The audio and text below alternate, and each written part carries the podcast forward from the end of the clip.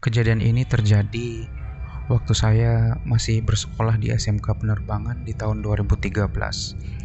Lokasi ini sama dengan dua podcast sebelumnya karena memang saya tiga tahun berurusan dengan sekolah tersebut serta tiga tahun juga dengan tempat yang sama. Jadi belum pindah belum gedung baru hingga saya lulus tentunya. Saya tidak usah menceritakan sekolah saya lagi karena sudah saya ceritakan gambaran umumnya pada dua podcast sebelumnya. Sekolah saya dididik semi militer. Maksudnya cara mendidik siswa di sekolah tersebut menggunakan konsep semi militer. Jadi seperti ala-ala tentara pendidikan gitu. Mulai dari latihannya hingga tempat tinggalnya juga seperti tentara, yaitu tinggal di asrama dan jauh dari orang tua. Jarak ke sekolah saya dengan rumah waktu itu sekitar tiga jaman. Itu perjalanan pakai transportasi umum darat. Mungkin sekitar 100 km lebih lah. Asrama kami berupa ruko berupa ruko kosong ukurannya ya lumayan besar dengan tiga lantai. Lantai satu dan lantai dua untuk asrama dan sedangkan lantai tiga tempat jemur pakaian. Lantai tiga tersebut berupa ruangan lepas dengan sekat pendek setinggi dada pada setiap rukonya. Kebetulan asrama saya bersebelahan dengan kantor sekolah saya waktu itu. Di asrama ada peraturan yang diterapkan oleh sekolah, seperti tidak boleh bersuara keras, tidak boleh ribut malam hari, tidak boleh keluar, jam sekian harus dikunci asramanya, dan lain-lain sebagainya dan peraturan yang dibuat oleh senior juga ada waktu itu. Ya kayak ala-ala lokal wisdom gitu. Tetapi lokal pada case ini ya asrama saya lingkup asrama saya saja. Dan itu pun juga tergantung seniornya juga membuat peraturan seperti apa. Oh ya btw senior itu artinya kakak kelas ya. Kita artikan kakak kelas di sekolah saya waktu itu Asrama kami ada sekitar 20 orang penghuni. Itu gabungan dari angkatan saya dan beberapa senior penjaga yang, yang bertanggung jawab di asrama tersebut. Sebagian di lantai satu dan sisanya di lantai dua. Jadi 20 orang itu dibagi, sebagiannya di lantai satu, sebagiannya di lantai dua. Saya dapat di lantai satu lantai dasar. Di asrama itu, semua kegiatan dilakukan di sana, mulai dari makan, belajar, hukuman, briefing, jail-jailan, nyuci baju, dan lain-lain sebagainya. Tetapi kegiatan ini di asrama tersebut yang tempat istirahat sebenarnya Kegiatan ini di asrama dimulai dari pukul 3 dini hari. Jadi asrama itu mulai beraktivitas di pukul 3 dini hari. Saya dulu bangun jam segitu, tetapi sebagian teman saya bangun ada yang lebih rendah dari itu. Mungkin sekitar jam 4 dan ada juga yang bangun jam 5. Alhasil ya mereka terlambat kalau mereka terlambat ya dapat hukuman, push up, lari, guling, rolling dan lain-lain sebagainya. Pada saat saya sudah terbangun dari tidur dengan di pukul 3 tersebut, semua teman saya masih tidur nyenyak. Jadi di ruangan asrama itu hanya saya doang yang bangun pertama waktu itu. Pada saat itu memang auranya cukup aneh nah angin kencang dan banyak bunyi-bunyi dedaunan yang bergesek dan gesekan antara rating kayu pun juga banyak di subuh itu. Kalau dipikir-pikir, cukup takut juga saya waktu itu. Subuh itu saya harus beres-beres seperti siapin buku yang akan dipakai saat belajar hari itu, ngerjain tugas sesekali, itu pun kalau ada, setrika baju, dan semir sepatu. Sembari menikmati film SpongeBob SquarePants waktu itu di TV. Kebetulan di asrama kami ada disediakan TV di lantai dasar. Dan itu pun TV pembina sih, bukan TV yang disediain oleh asrama. Waktu itu nama channelnya masih Global TV, belum GTV seperti sekarang. Jadi Global TV menampilkan film-film seperti Rudy Tabuti, SpongeBob SquarePants, dan lain-lain sebagainya di pagi waktu itu. Oh iya, setrika baju dan celana waktu itu untuk buat list baju dan celana. Listnya harus tajam dan rapih, karena itu dididik oleh Angkatan Udara, TNI Angkatan Udara, jadi dilatih untuk rapi dalam segi berpakaian juga.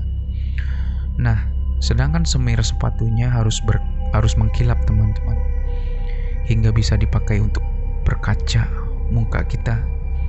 Mungkin kalian ngerasa mustahil membuat sepatu itu bisa berkaca. Benar kan kalian merasa begitu kan?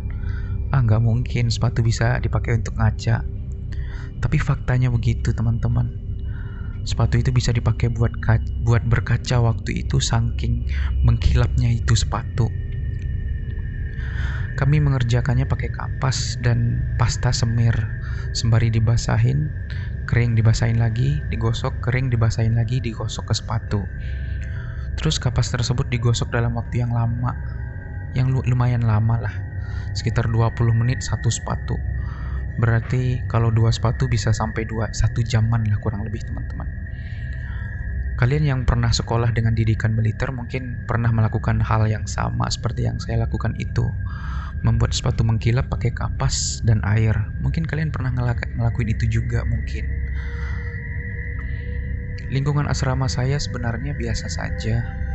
Cuman karena sekolah dan asrama saya menggunakan gedung dan komplek pasar yang sudah lama tidak terpakai dan gedungnya pun cukup berumur. Jadi terlihat menyeramkan sebenarnya. Ditambah tempatnya sepi jauh dari keramaian. Di sebelah kiri dan kanan gedung adalah kebun kosong, sedangkan di belakangnya kebun kosong juga. Yang di sekitarnya kebun kosong di belakang itu ada sungai besar yang menghubungkan Danau Singkarak dan laut. Kalian bisa aja lihat di Google Map atau Google Earth bentuk lokasinya minimal gambarannya lah di cerita kali ini. Setelah urusan saya beres subuh itu, saatnya saya mandi sebelum kegiatan pagi itu dimulai. Kegiatan pagi ini dimulai pada pukul 6 pagi. Kegiatannya kegiatannya tersebut berupa latihan fisik baris berbaris semacam PBB gitu dan inspeksi mendadak oleh senior atau kakak kelas tingkat 2 dan tingkat 3. Ya, biasanya inspeksi mendadak tersebut hanya akal-akalan senior saja, padahal niatnya ingin jailin juniornya atau adik kelasnya. Baik, giliran saya mandi. Waktu itu saya memilih untuk mandi di kamar mandi kantor sekolah saya waktu itu. Saya lupa kenapa saya mandi di sana waktu itu. Padahal di asrama saya ada kamar mandi yang bagus. Tetapi kalau tidak salah waktu itu air sedang mati deh kalau nggak salah mah. Persisnya saya lupa karena udah lama banget, udah 9, udah 8 tahunan kurang lebih. Pokoknya kondisi kamar mandi saat itu tidak bisa digunakan dengan santainya, saya berjalan keluar dari asrama menuju ke kantor untuk mandi di kamar mandi kantor tersebut dan berjalan sendirian menuju kamar mandi itu waktu subuh itu teman-teman. Waktu itu sekitar pukul 4 subuh lah. Pukul 4 subuh di Sumatera Barat belum azan waktu itu. Dan memang 4 subuh itu belum waktunya azan di Sumatera Barat. Karena azan di Sumatera Barat itu sekitar 4.55 atau jam 5 kurang 5 menit lah. Nah, saya berjalan dengan santainya subuh itu, padahal di luar asrama waktu itu gelap. Tidak ada orang sama sekali. Sekeliling dipenuhi gedung tua nan besar yang tidak berpenghuni. Ya namanya pasar, pasar tertinggal sudah lama tidak beroperasi. Entah kenapa waktu itu saya tidak ada perasaan takut sama sekali. Mungkin karena saya tidak memikirkan hal yang aneh. Makanya saya tidak kepikiran waktu keluar asrama waktu itu. Gak ada rasa takut sama sekali waktu saya jalan menuju ke kamar mandi kantor waktu itu. Saya masuk kantor sekolah saya itu. Di kantor itu tentu tidak ada orang. Pukul 4 subuh orang mana yang datang? Kantor itu memakai dua gedung sekali sekaligus teman-teman atau dua, dua ruko sekaligus yang dijadikan satu dengan membuat pintu untuk penghubungnya. Di lantai dua, ruangan belajar untuk angkatan saya, tingkat 1A dan tingkat 1B. Kalau nggak salah waktu itu di kalau nggak salah waktu itu di di 1B itu tempat lab komputer. Seingat saya begitu. Singkat cerita, saya masuk ke dalam kamar mandi dan saya mandi seperti biasanya. Ya, gosok gigi, siram tubuh, sabunan, bilas, dan handuk. Pada saat saya saya ngelap badan pakai handuk, itu di dalam WC sudah sudah tidak terdengar suara air lagi karena air sudah saya matiin dan saya pun juga sudah berhenti menyiram badan karena mau handukan waktu itu. Karena cukup hening, saya mendengar ada suara tapak kaki di lantai dua. Seperti orang berjalan gitu teman-teman. Pada saat itu, saya ketakutan. Karena jam 4 subuh. Iya, jam 4 subuh. Ngapain orang ke atas? Pasti, pasti itu bukan orang deh. Saya terus berpikir sembari ketakutan untuk memecahkan masalah siapa yang naik ke lantai dua itu. Karena waktu itu saya masih di dalam kamar mandi, pintu masih terkunci. Jadi aura takutnya belum terlalu masuk ke dalam pikiran saya waktu itu. Pada saat itu saya teringat perkataan kakak kelas, sontak teringat gitu loh perkataan kakak kelas waktu itu.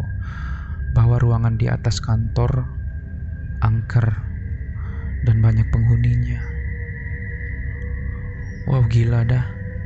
Pada saat itu saya merinding dan langsung pakai handuk dan lari keluar terbirit-birit untuk menjauh dari kantor tersebut. Saya berkeringat subuh itu dan nafas saya cukup sesak.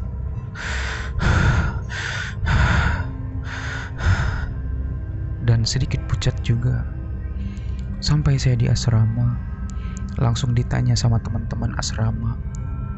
Woi Van, kamu kenapa? Kok pucat dan keringat padahal habis mandi? Padahal saat itu saya tidak jujur karena kalau jujur nanti diketawain sama mereka. Malulah sekolah semi militer yang sudah jurit malam juga masa masih takut dengan hal-hal gituan. Itulah image yang harus saya jaga waktu itu. Ya wajar masih bocah. Pikiran masih labil. Emosi belum stabil. Jadi ya ya sedikit sedikit ada jaimnya lah kurang lebih. Terus pertanyaan teman saya itu saya jawab saja dengan dengan berbohong. Kalau di luar dingin, angin kencang. Jadi karena saya keingin saya, karena saya kedinginan di luar itu, saya lari masuk ke asrama. supaya saya tidak merasakan dingin yang lebih lama. Dan teman saya pun percaya, percaya aja dengan statement itu. Tapi ya sudah, saya diuntungkan dengan kondisi itu. Singkat cerita, saya langsung buka lemari untuk ambil baju, tetapi saya keinget, ses, keinget sesuatu bahwa peralatan mandi saya ketinggalan di kamar mandi kantor tersebut. Sontak saya mengumpat di dalam hati. Bangsat ya, kok bisa ketinggalan segala sih? Sialan emang. Mana gue takut lagi ke sana sendirian. Itu perkataan di dalam hati. Peralatan mandi tersebut harus saya ambil. Kalau tidak, bakal ketahuan sama guru, sama kepala sekolah, dan yang lainnya kalau saya mandi subuh di kamar mandi kantor tadi. Sebenarnya tidak apa-apa sih sebenarnya kalau kita mandi di kantor itu kalau tahu sama guru pun gak jadi masalah sebenarnya. Karena memang pihak sekolah yang suruh pakai itu kamar mandi. Tetapi saya secara pribadi ya tetap saja malu. Ya jaim tadilah. Akhirnya saya putuskan untuk mengambil kembali sabun tersebut. Tetapi saya tidak sendirian saya minta tolong untuk ditemani. Saya minta tolong ke teman saya yang nanya tadi. Soalnya baru dia yang bangun subuh itu. Langsung teman saya tanya, "Kok kamu minta ditemenin sih? Kan tadi kamu berani mandi di sana. Sekarang malah keberani."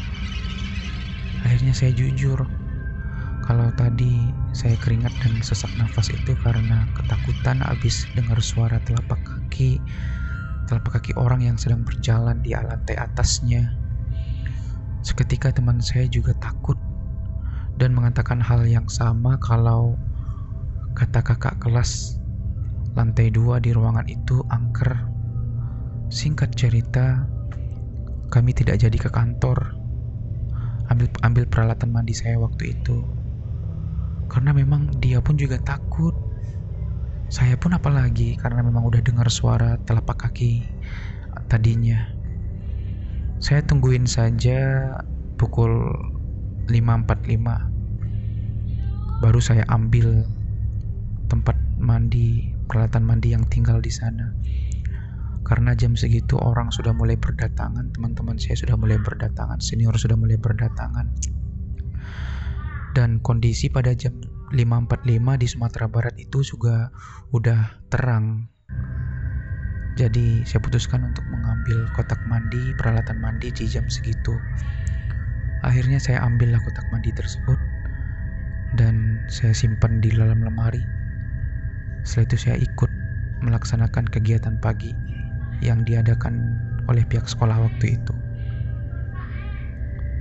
Sekian episode hari ini. Sekian podcast hari ini. Sekian cerita hari ini. Semoga menghibur dan menakutkan kalau seram. dan kalian yang mendengarkannya semoga selalu diberi kesehatan dan sukses di dunia dan di akhirat. Amin. Follow sosial media saya dan support channel YouTube saya Link sudah saya tautkan di Anchor Apps atau di kolom deskripsi pada setiap podcast. Thanks. Bye.